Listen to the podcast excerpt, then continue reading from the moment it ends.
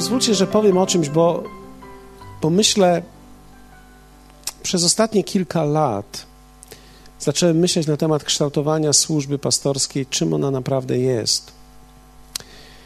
Kim ja muszę się stać, żeby wypełnić to, co Bóg zaplanował dla mnie. O wiele dzisiaj dla mnie ważniejsze pytania, które zadaję, dotyczą mnie i dlaczego, niż jak. Wiecie, jak robić kościół, jak robić spotkanie, jak, jak stworzyć dobry klimat, jak zrobić kazanie. To wszystko jest bardzo dobre. Siedem punktów, jak, jak zbudować wielki kościół. Wiecie, my dzisiaj, my dzisiaj mamy trochę narzędzi, więc mając trochę narzędzi, masz pokuszenie, żeby tworzyć tłum dla tłumu. Ale można gromadzić tłum i można nie zmieniać ludzi. Ja, ja pozwólcie, że będę z wami całkowicie szczery, powiem wam o wszystkich moich dylematach, dobrze? Być może okaże się, że niektóre z was to są wasze dylematy. Dla niektórych z was to są wasze dylematy. Nie, nie mówię, że jesteście tacy jak ja, ale może gdzie niegdzie. Może ja jestem sumą wszystkich dylematów. Czasami mam wrażenie, że jestem sumą wszystkich dylematów na świecie. Jeśli ktoś ma problemy, ja mam wszystkie. E, więc jeśli ja myślę, że dlatego też człowiek później może pomóc innym ludziom, ponieważ miałem ten problem, miałem ten problem i ten problem też mam i z tym problemem sobie nie radzę, więc, więc już parę rzeczy wiesz i czasami mam wrażenie, że kiedy analizuję to, to wydaje ci się, że już jakby wszystkie problemy miałeś. Pewnie tak nie jest, ale tak jest odczucie. Więc będę z wami szczery, będę mówił o pewnych dylematach, które mam i o pytaniach, które sobie zacząłem zadawać i pytania, które zaczęli inni ludzie mi zadawać. W zeszłym roku miałem bardzo ciekawe doświadczenie, kiedy poleciałem do Moskwy. Odebrał mnie Maksim, um, asystent pastora Rika i kiedy odebrał mnie, zawiózł mnie do mieszkania i na drugi dzień powiedział, że pastor Rick przyjedzie po ciebie, spędzicie razem sobotę. Pomyślałem sobie, wspaniale, że będę miał cały dzień dla siebie razem z pastorem Rickiem, to jest, wiecie, to jest warte milion dolarów. E, a to za darmo będę miał. I tak, no, tak mi się wydawało. I wiecie, kiedy, kiedy wyszedłem rano i pastor Rick czekał na mnie w samochodzie, kiedy podbiegłem do samochodu, on spojrzał na mnie i powiedział tak: Wow, Po, bardzo dobrze wyglądasz. Ja mówię, dziękuję, ty również. Wtedy usiadłem obok niego, on siedział po stronie tutaj, gdzie jest kierownica, ja po drugiej stronie, na miejscu jego żony. Tak się schylił w moją stronę, złapał mnie za rękę i mówi do mnie How are you?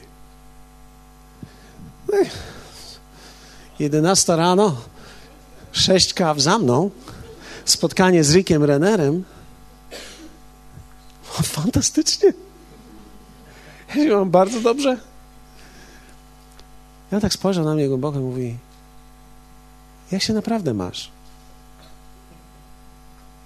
Ja zacząłem myśleć, wiecie, wtedy zacząłem myśleć, że w takim razie on mnie nie pyta, jak się mam, tylko jak się naprawdę mam. Wiecie, niektórzy ludzie nie chcą słyszeć, jak się naprawdę masz, chcą słyszeć tylko, jak się masz. No, fajnie, dobrze. Co u ciebie? Bardzo dobrze.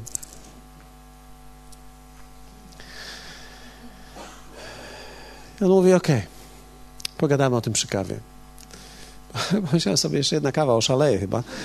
Ale pojechaliśmy do centrum Moskwy, oczywiście na Plac Czerwony i te wszystkie inne rzeczy musiałem zobaczyć. Usiedliśmy w restauracji, w kafejce zaczęliśmy rozmawiać. I wtedy zaczął mnie pytać o różne rzeczy w moim życiu. O takie rzeczy, gdzie większość ludzi nie pyta. Nawet nie wpada na to, żeby pytać o nie. I wtedy zacząłem rozumieć, że, że życie to coś więcej niż tylko budowanie czegoś na chwilę. Wtedy zaczął mówić mi o swoich dylematach. I mówi do mnie, wiesz, rok temu byłem już w takim stanie, że nie mogłem głosić i nie głosiłem przez pięć miesięcy czy sześć miesięcy. Ja mówię, Rick Renner? Nie głosił sześć miesięcy? Przecież to jest Rick Renner. To prawie jest jak Jesus Christ. Rick Renner nie mógł głosić przez sześć miesięcy. I on mówi, wiesz, Kiedy tak ciągniesz i ciągniesz i ciągniesz i ciągniesz i kiedy pracujesz i pracujesz i pracujesz, oczywiście są różni ludzie, ale kiedy jesteś taki jak ja, ja muszę się leczyć z rzeczy. Ja myślę sobie, wiecie, ja szybko kalkuluję, myślę sobie, Rick, masz 55 lat, z czego ty się chcesz leczyć? Kiedy ma się 55 lat, człowiek jest już co najmniej od 10 lat zdrowy, ponieważ ja mam 45, więc nie jestem jeszcze zdrowy, to ale myślę sobie tak, jak masz 55, to już powinieneś być zdrowy, przecież to już jest zdrowie, całkowite zdrowie, kiedy masz 55 lat. A on mówi, nie, nie, tak nie jest. Pastorowanie tak naprawdę to przede wszystkim umiejętność prowadzenia siebie. My rzadko zadajemy pytania dotyczące nas, my najczęściej zadajemy pytania dotyczące Kościoła. I okazuje się, że to jest nasz problem. Bo często jest tak, że my więcej wiemy o Kościele niż o sobie. Więcej wiemy, co zrobić w Kościele, niż co zrobić ze sobą. I okazuje się, że my wiemy dokładnie, co my mamy zrobić w Kościele, tylko nie potrafimy odpowiedzieć na pytania związane ze sobą samym. Kim ja jestem? Dlaczego ja jestem taki, jaki jestem? Pastor Rasti mówił o, o tym, że Bóg powołał nas, On wywołał nas z tego chaosu do pewnego porządku. Ja myślałem, że powołanie to jest po prostu namaszczenie. Jak jesteś namaszczony, to wszystko jest fantastycznie. Ale wiecie, tak się cieszę, że co jakiś czas miałem kontakt, czy mam kontakt z ludźmi, którzy mi troszeczkę odsłonią kurtynę służby, gdzie człowiek widzi, jak te rzeczy naprawdę się dzieją. Kiedy widzisz trzydziestolatków, którzy wchodzą w służbę i są w telewizji i widzisz, jak dokonują wielkich rzeczy, mają 35 lat i już są na szczycie i ty masz 40, 45, 50, 55 i myślisz sobie, gdzie ja jestem? Tymczasem okazuje się, że ci ludzie dwa lata później już nawet nie są w telewizji, nikt nie chce ich nawet nigdzie. Ponieważ świat użyje ciebie, ale nigdy nie przemieni ciebie. I on zadał mi kilka pytań, które dotyczą kilku obszarów mojego życia ja ubrałem to w siedem takich pytań. Zanim jednak do nich dojdę, chciałbym pokazać Wam, że tak naprawdę my musimy zacząć jako pastorzy, jako liderzy umieć zadawać sobie pytania o siebie samych. W którym miejscu my jesteśmy? Jak wygląda moje życie? Jakie jest moje życie? Co tak naprawdę się dzieje w moim życiu? Nie co się dzieje w moim kościele. Wiecie, każdy z nas może powiedzieć, pięciu się nawróciło w tą niedzielę. No może nie każdy z nas, ale my możemy tak mówić i, i jakby prze, przerzucać sobie. Pięciu się nawróciło, dwudziestu pięciu dołączyło, czterdziestu dołączyło, w zależności od naszego poziomu i miejsca. Zebraliśmy ofiarę cud, jedna ofiara, 16 tysięcy, fantazja. I możemy się licytować. Ale to niczego nie zmienia. To nie, to nie wzbudza niczego oprócz zazdrości. To nawet nie jest wykładnikiem naszego życia. Bo jak wielu z Was wie o tym, że każdy pastor jest po odejściu ludzi i przed odejściem następnych? Hmm? Ostatnio rozmawiałem z pastorem Tomkiem, który powiedział, ode mnie już wszyscy odeszli, którzy mieli odejść. Ja mówię, jestem przekonany, że nie, to jest tylko kwestia czasu. Wiecie, Kościół to jest ciągły ruch. I nasze powołanie nie może być związane, nasza definicja i tożsamość to nie jest liczba głów, którą my zbieramy w niedzielę ale to jest liczba żyć ludzi, na które wpływamy i które zmieniamy. I w pewnym sensie, jeśli ja jako pastor nie nauczę się myśleć o sobie w pewnym oddzieleniu od Kościoła, będę miał tendencję do budowania całej mojej tożsamości przez pryzmat mojego Kościoła i umrę w tym, bo nigdy nie będę widział siebie prawidłowo, nie będę nazywał siebie tak, jak On mnie nazywa, będę nazywał siebie przez to, czy teraz mam wzrost, czy nie. Wiecie, Kościół to proces. Niektórzy, tak jak rybnik, wystrzelą 5 lat 150 osób. Ale wiecie, może tak być, że po 15, kiedy masz 150, to w dalszym ciągu jest sukces, że jeszcze tam są. Ktoś może powiedzieć, nie, to porażka jest. Nie zupełnie. Dlatego, że musimy zobaczyć, na jak wielu ludzi mamy wpływ i co tak naprawdę się dzieje z życiem ludzi, co się dzieje tak naprawdę z naszym życiem ludzi, z naszym życiem. Nie tylko w kontekście rozwoju. Wiecie, ja kocham rozwój, ja jestem cały za nim, ale nie możemy myśleć tylko w kategoriach głów i ofiar. Ale musimy zacząć zadawać pytania o siebie samych. Apostoł Paweł powiedział do Tymoteusza takie słowa.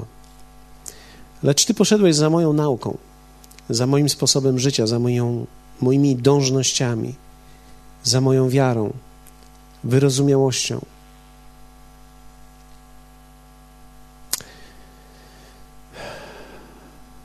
Za moją nauką to słowo greckie didaskalia, tak? czyli doktryna, instrukcja. Ale wiecie, to jest coś więcej niż tylko doktryna, instrukcja. Dlatego, że to słowo mówi o zaufaniu. Jak wielu z Was wie, że jeśli teraz ktoś pyta mnie o drogę, a ja mówię tędy, to prawdopodobnie ja wiem, gdzie to jest. Ja tam byłem. Musi istnieć element zaufania, a zaufanie buduje się dłużej. Więc tak naprawdę pójść za kimś to jest dłuższy proces. Pójść za tym, co jest instrukcją, to jest budować zaufanie do drugiego człowieka, to znaczy budować relacje, to znaczy, że my budujemy relacje w kościele, zanim budujemy instrukcje. Czasami zadajemy sobie pytanie, dlaczego ludzie nie robią tego, co my mówimy, żeby robili. Być może nam nie ufają na tyle, na ile my myślimy, że powinni nam zaufać.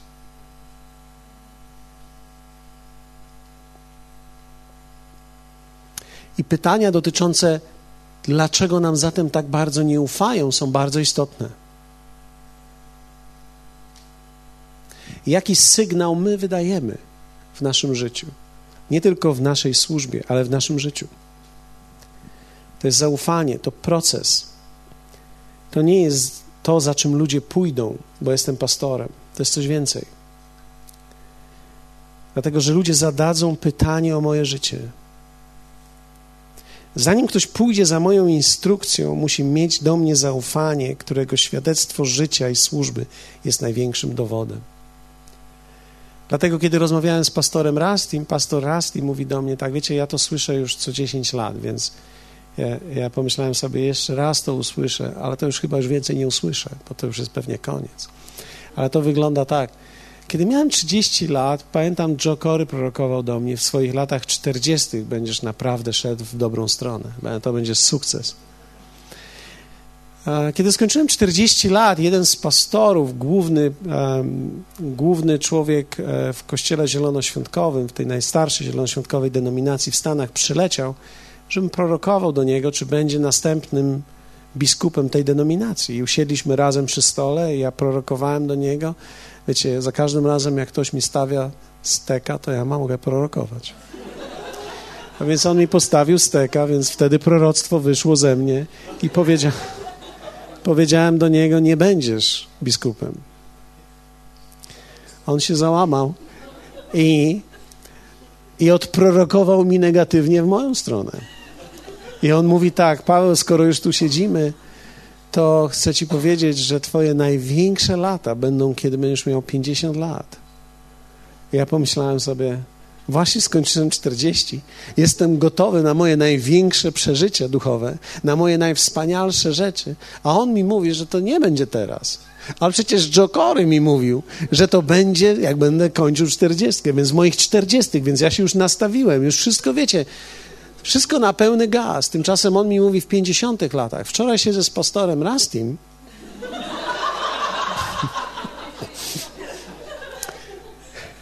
I pastor Rasty zaczyna mi tłumaczyć służbę i mówi do mnie tak, wiesz co, ja myślę, że w twoich latach 60. dojdziesz do największych rzeczy i będziesz najbardziej efektywny w swoim życiu. Ja pomyślałem sobie, ta historia się nigdy nie skończy. Zapytałem go, dlaczego tak mówisz, że w latach 60. A on mówi tak, bo mniej więcej w latach 60. będziesz w miejscu, że nie będzie ci już obchodziło, co inni ludzie mówią o tobie.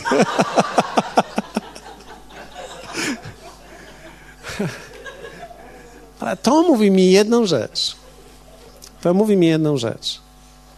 Że tak naprawdę to jest bardziej związane z procesem, którym, przez który ja przechodzę i który przechodzimy my jako liderzy w naszym życiu, niż z efektywnością służby, która jest, bo teraz Bóg przebudzenie chce dać i to przebudzenie będzie dzisiaj.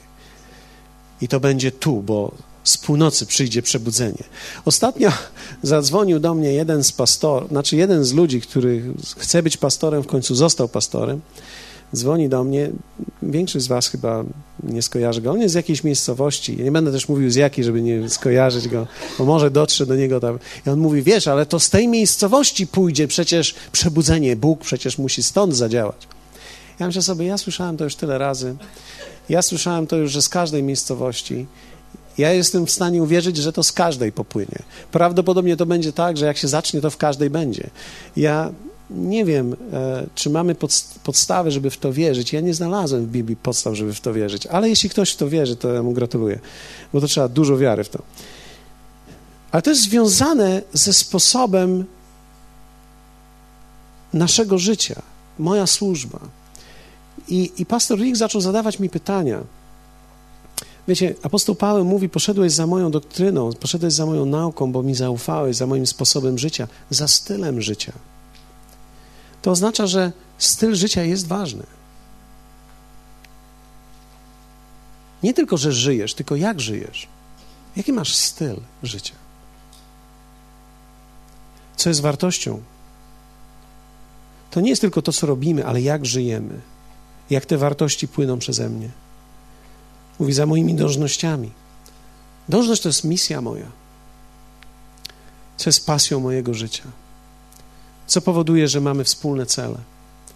Ja zacząłem zadawać sobie pytania, jaka jest misja mojego życia? Zachęcam Was wszystkich wideo do, do zadania sobie pytania, jaka jest Twoja misja? zacząłem sobie ubierać i pisać to ostatnio. Zacząłem pisać, misją mojego życia jest pomagać ludziom dojrzeć. Dojrzałość jest moją pasją. Kiedy ja widzę wierzącego, we mnie się wszystko włącza. Co mogę zrobić, żeby on poszedł dalej i wyżej? Dojrzałość i wzrost jest moją pasją. Gdziekolwiek jestem, to jest, to jest dokładnie to, co robię. To się przydaje, kiedy jesteś pastorem. Dalej powiedział: Moją miłością, cierpliwością. Mówi o podejściu do siebie, ale również, zobaczcie, za moimi prześladowaniami, cierpieniami Ja nigdy nie myślałem o cierpieniu. Zawsze myślałem, że cierpienie jest przekleństwo od diabła. Dzisiaj widzę, że cierpienie jest częścią służby i cierpienie jest konieczne. Jeśli nie będziesz cierpiał, e, to jest 2 Tymoteusza 3, 10, 11. Jeśli nie będziesz cierpiał, nie możesz służyć. Tylko ci, którzy prawidłowo przechodzą przez cierpienie, są w stanie służyć. Nigdy tego nie widziałem. Ale Jezus powiedział do apostoła Pawła. W zasadzie powiedział to do, do ucznia.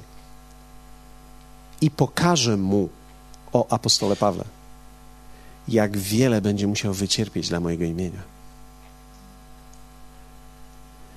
I okazuje się, że cierpienie życia zmienia nas. Więc cierpienie nie jest złem, jest koniecznością do efektywnej służby. Teraz zwróćcie uwagę, apostoł Paweł mówi: Poszedłeś za moimi cierpieniami. Inaczej mówiąc, można za nimi nie pójść. To oznacza, że można wybrać drogę, żeby nie cierpieć. Tak, to jest droga na skróty. Kiedy lider cierpi? Lider cierpi z wielu powodów. Lider cierpi, bo jest załamany sobą. Ale lider też cierpi, że jest załamany sobą, a Bóg go w dalszym ciągu powołuje. I jakoś to musi poukładać w sobie. Wesley powiedział takie zdanie, wiecie, to trzeba przełożyć na to, że to był XVIII wiek. Pewna kobieta przyszła do niego i powiedziała: Hmm, jesteś namaszczony, wspaniały, Bóg naprawdę przez ciebie działa. A Wesley powiedział: To nie tak. Gdybyś naprawdę mnie znała w tej chwili, plunęłabyś mi w twarz. I to nie dlatego, że on w tym czasie, wiecie, handlował marihuaną.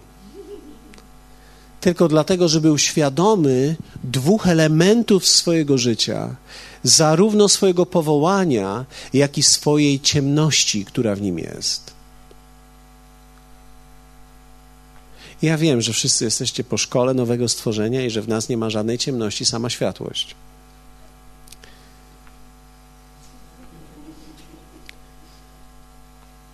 Ale jeśli będziecie uważnie czytać Biblię, to zobaczycie, że nowe stworzenie nie dotyczy całego człowieka, ale potencjału całego. My jednak nie żyjemy całym potencjałem, ale żyjemy duszą, która jest przemieniana, a nie przemieniona. Czyli ty mówisz nie z ducha zawsze ale mówisz czasami z ciała. I jeśli będziesz szczery ze sobą, to częściej wypowiesz z ciała niż z ducha.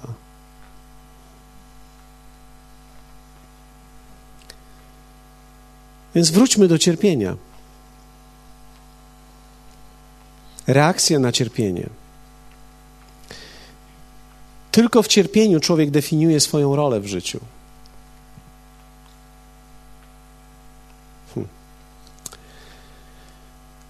Tak naprawdę kształtowanie służby to jest kształtowanie, które bym nazwał kształtowaniem poniżej poziomu wody.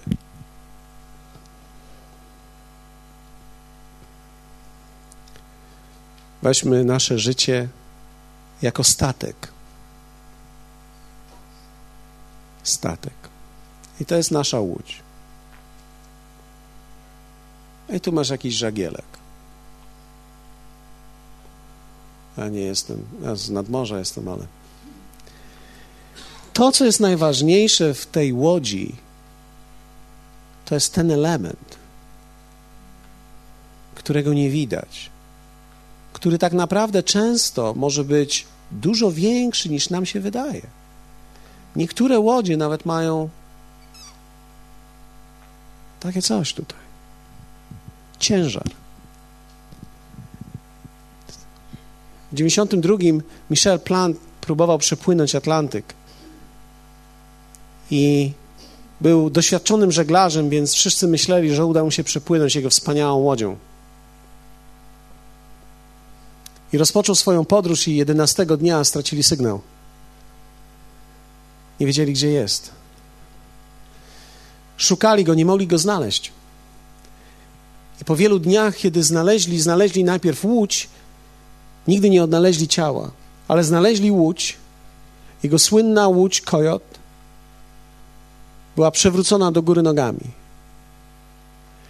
Co nie powinno się wydarzyć, ponieważ ciężar, który jest umieszczony tutaj, powoduje, że łódź, bez względu na to, czy się przewróci nawet, nazwijmy to brzydko, do góry nogami, nie ma nóg, ale my rozumiemy, tak?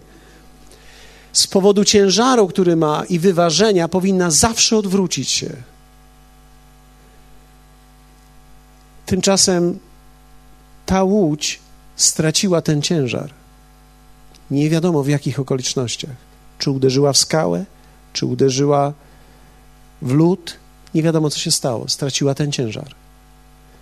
On był tak pewny, że dopłynie, że nie zarejestrował tej radiostacji na swojej łodzi, więc nie miała ona czynnego IP, więc nie mogli rozpoznać, co się z nią stało, czy gdzie ona jest. Dostawali sygnał, ale nie wiedzieli, co to jest za sygnał. Dopiero później, kiedy było śledztwo robione, zobaczyli, że że tak naprawdę on był tak pewny, że dopłynie, że nie zarejestrował tej radiostacji, po prostu pomyślał sobie, a to jest zbędne i tak dopłynę. Wiecie, problem z naszym życiem jako pastorów jest taki, że my bardzo jesteśmy skoncentrowani na tym, na naszych celach, na tym, jak wygląda nasza łódź, jak wyglądają nasze kościoły, jak wygląda nasze życie, niż tym, jaki ciężar zbudowany jest tutaj. To, co się dzieje pod, jest o wiele ważniejsze od tego, co się dzieje nad. Rozmawiałem z pastorem Rasty i pastor Rasty powiedział tak: Nieliczni kończą dobrze. Nie chodzi o to, że są tacy, którzy upadają. Historia pokazuje, że nieliczni kończą dobrze. To mój telefon jest. Nieliczni kończą dobrze.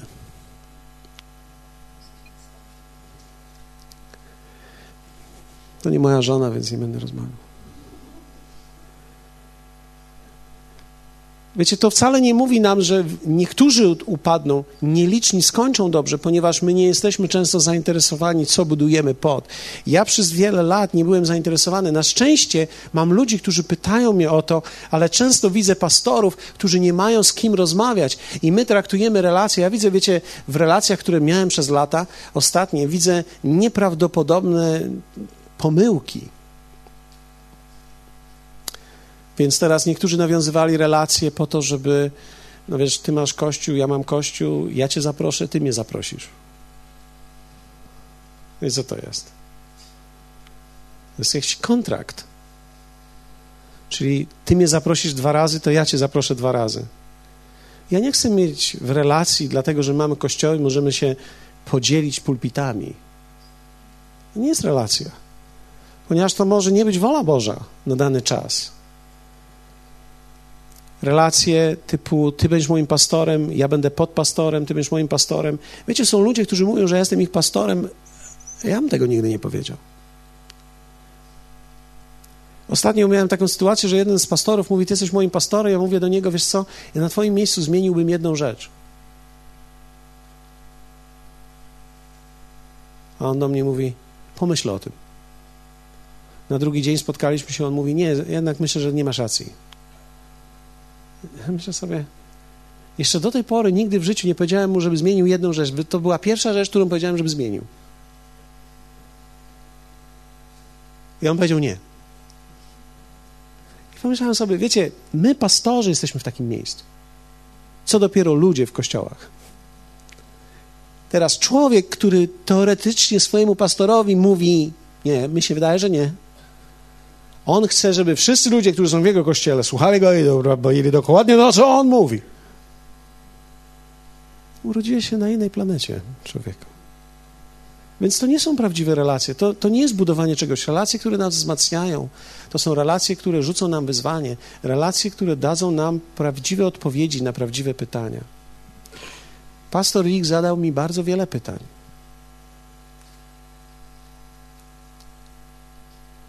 Zadał mi kilka ważnych pytań w życiu. Zadał mi takie pytanie jak: Paweł, jak wygląda Twoja troska o Twoje życie fizyczne? Życie fizyczne.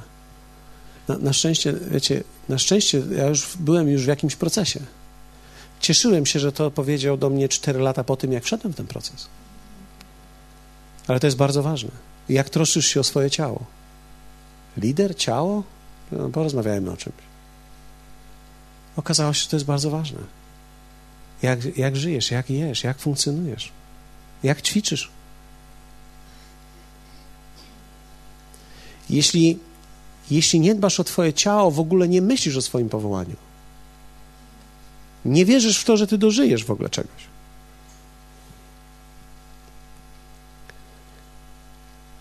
Siedząc przy kawie, zadał mi kolejne pytanie. Mówi tak. Jak wyglądają Twoje relacje? Jak wygląda Twoja relacja z Twoją żoną?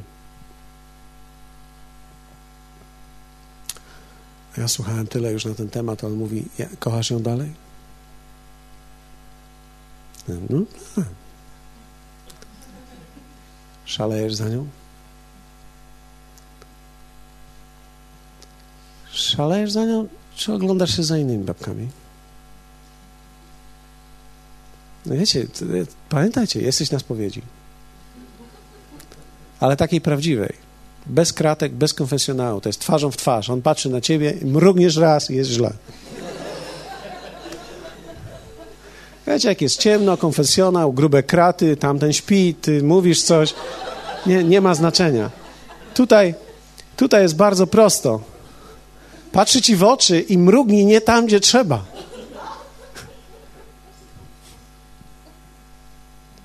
Masz przyjaciół? Mówi, masz przyjaciół? Zaczynam myśleć. Eee. Kto jest moim przyjacielem? Wtedy wy, wy, wymieniam Wilson. Wilson. Nie mówcie tego nikomu, ale wczoraj rozmawialiśmy z pastorem Rusty. I on ma takiego znajomego, który ma małego psa Jorka. No takiego malutkiego psa Jorka, kocha go i nosi go wszędzie. Ma już chyba drugą czy trzecią żonę, już nie pamiętam. I on mówi tak, Jorek ten sam. I on mówi, on mówi do niego, widzisz, różnica między Jorkiem a żoną jest taka, jak wrzucisz jedno i drugie do bagażnika samochodu i zostawisz tam po, na godzinę i otworzysz bagażnik, które z nich ucieszy się, że cię widzi?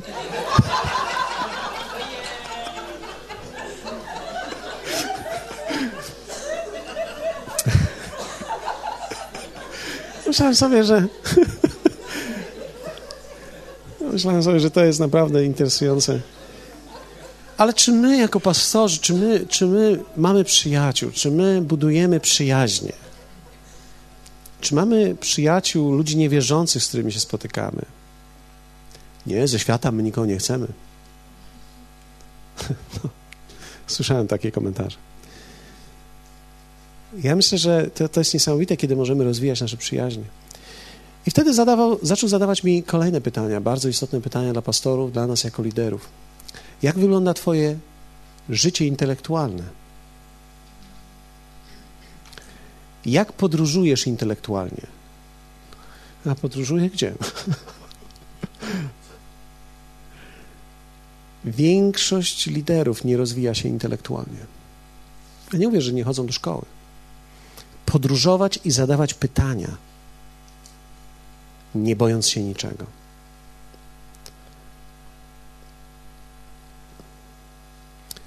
Mówi, co czytasz?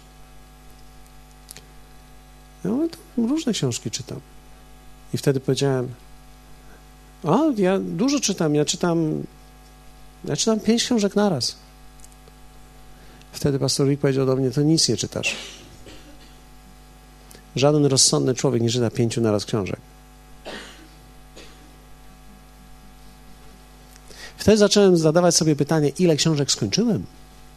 Bo to nie jest kwestia, ile książek człowiek zacznie, tylko ile naprawdę skończy i coś z nich weźmie. I wtedy, jak zacząłem sobie myśleć, to w zeszłym roku zacząłem książek ze 13, ale skończyłem. Hmm, ile skończyłem? I wiecie, to już masz problem z jedną, nie? a gdzie do tych 13 czy 12? Więc możesz ci się wydawać, masz wyobrażenie, że ty nieprawdopodobnie intelektualnie podróżujesz, że się rozwijasz, ale tak naprawdę otwierasz książki. Więc on powiedział mi, jak to się robi, że książkę się czyta, przechodzisz z nią Ja mówię, co, chcesz, żebym przeczytał? Co powinienem przeczytać? Ja mówię, o, bardzo proszę, to masz tego człowieka, przeczytałeś kiedyś książkę? A ja nigdy nie słyszałem o nim. I on mówi, nigdy nie słyszałeś o nim? Nigdy nie słyszałem o nim. No, warto, żebyś przeczytał jego książkę. Ja mówię, a jaką książkę? Wszystkie jego książki. Zacząłem modlić się, że dużo nie napisał. Końcu zamówiłem jego książkę. I wiecie, to jest niesamowite. Weźmiesz jakąś dobrą książkę, dobra, właściwa książka we właściwym sezonie twojego życia. To jest klucz. Kiedyś taką książkę dostałem od, od, pastora, Tom, e, od pastora Wojtka. Bardzo dobra książka, Timothy Keller. Bardzo ciekawa. Ona, pomogła mi podróżować w stronę intelektualizmu, w miejsce, w którym pastor Wojtek jest. Ja jeszcze tam nie doszedłem, ale on tam jest, on tam podróżuje, on tam mieszka, on tam zamieszkał. Ja tam odwiedziłem tylko to miejsce.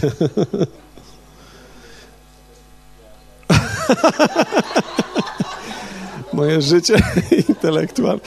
Widzicie, widzicie, nie mówiłem o tym? Dokładnie o tym mówiłem. To jest tak, potrzebuję mniej więcej jedną czwartą sekundy, żeby znaleźć właściwą odpowiedź. Macie takich ludzi, którzy się znajdą? To jest niesamowite. Zaczął zadawać mi pytanie, jak wygląda życie finansowe Twoje? Jak z Twoimi pieniędzmi? No, wiecie, jak, jak to z pieniędzmi, nie? Wiadomo. Zawsze człowiek mógłby mieć więcej. człowiek nigdy nie ma wystarczająco. Ale rzeczywiście w życiu pieniądze są pewnego rodzaju symbolem mojego życia.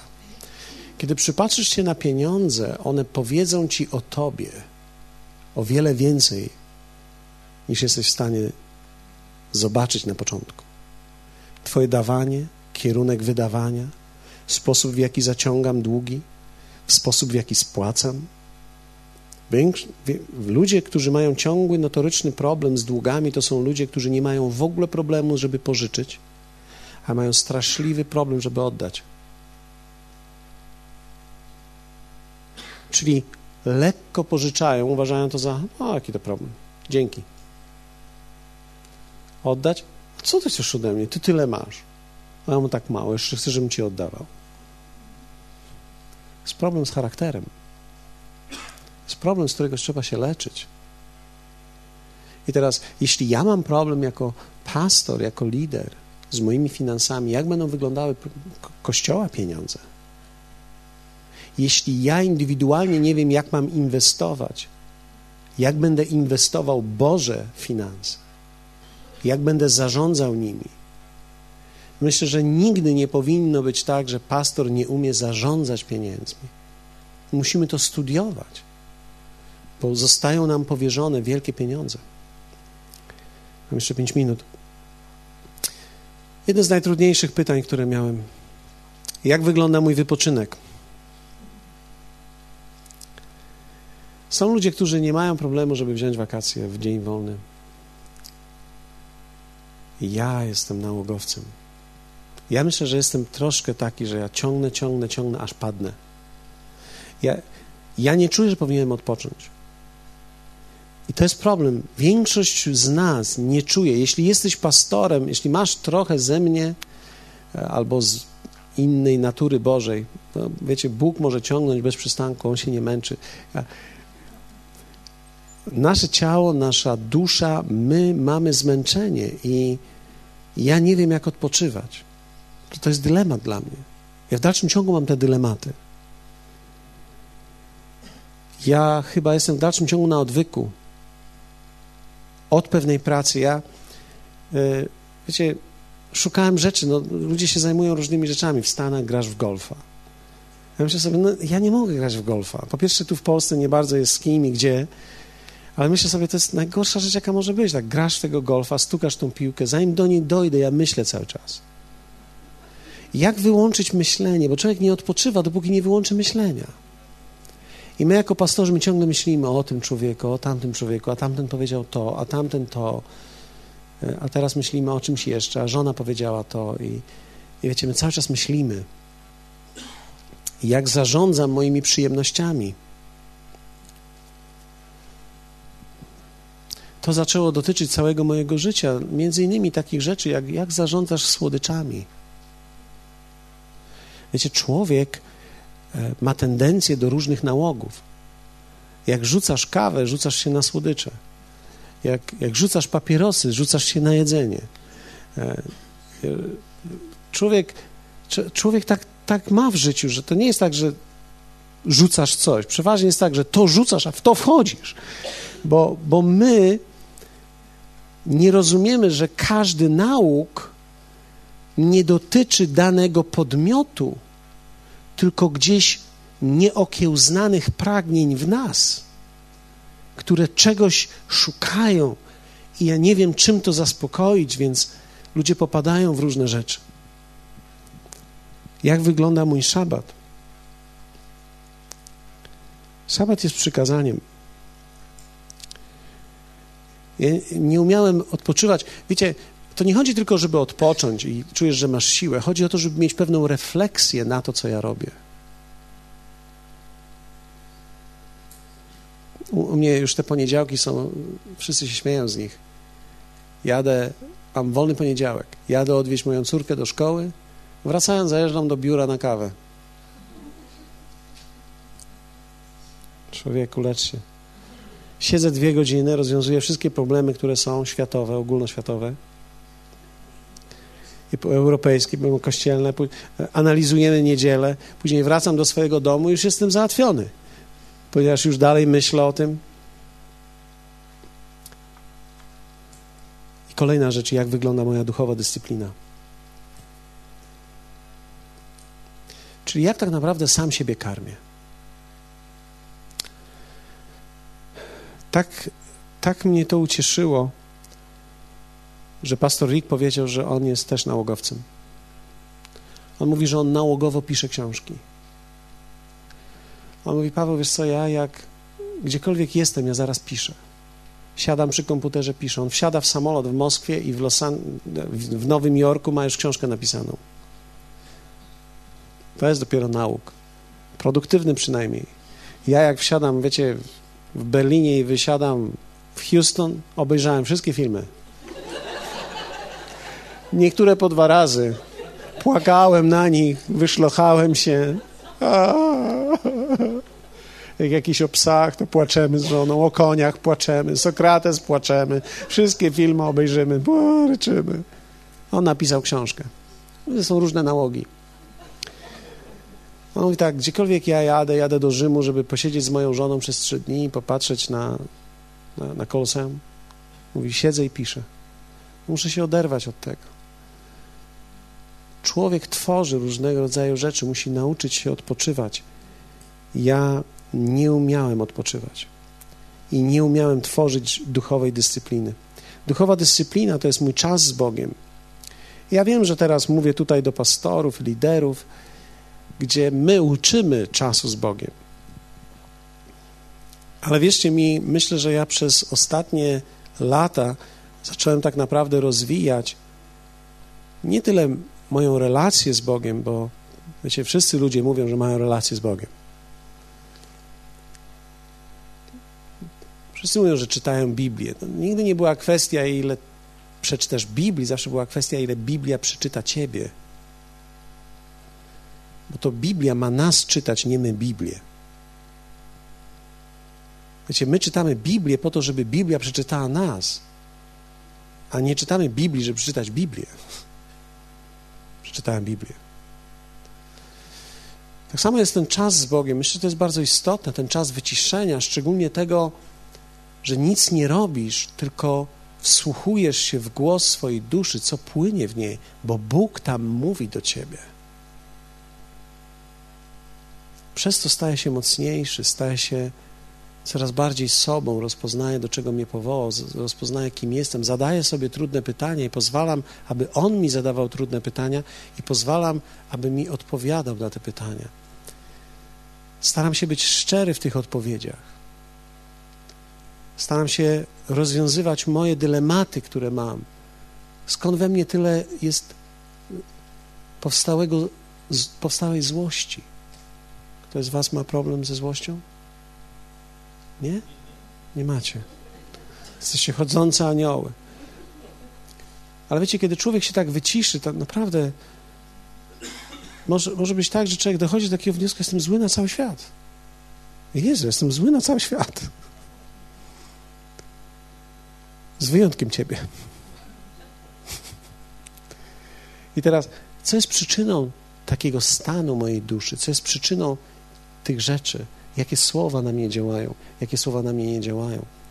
Okazuje się, że studiowanie tych ojców Kościoła, których byśmy nazwali, wcale nie jest takie złe. Oni napisali parę ciekawych rzeczy.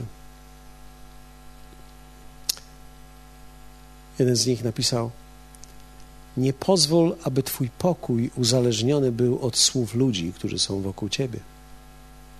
Hmm. Tymczasem fakt jest taki, że my, często jako liderzy i pastorzy, wiecie, jeden telefon, ktoś nam powie jedną złą rzecz, a my jesteśmy rozwaleni. Nie wiemy, czy mamy się modlić, czy przeklinać. Chcielibyśmy dwie rzeczy zrobić naraz. Wiem, że nikt z Was nie ma tego typu dylematów, ale ja Wam mówię o moich dylematach. Kiedy, kiedy próbujesz pomóc ludziom, jest istotne, żebyśmy my coraz bardziej rozumieli też siebie, dlatego że rozumiejąc siebie i pomagając sobie, będziemy w stanie pomóc innym ludziom, bo będziemy rozumieli, że ludzi się nie da zrozumieć, a mimo wszystko trzeba im pomóc. I pomagamy im poprzez to, że my sami prowadzimy siebie w procesie rozwoju.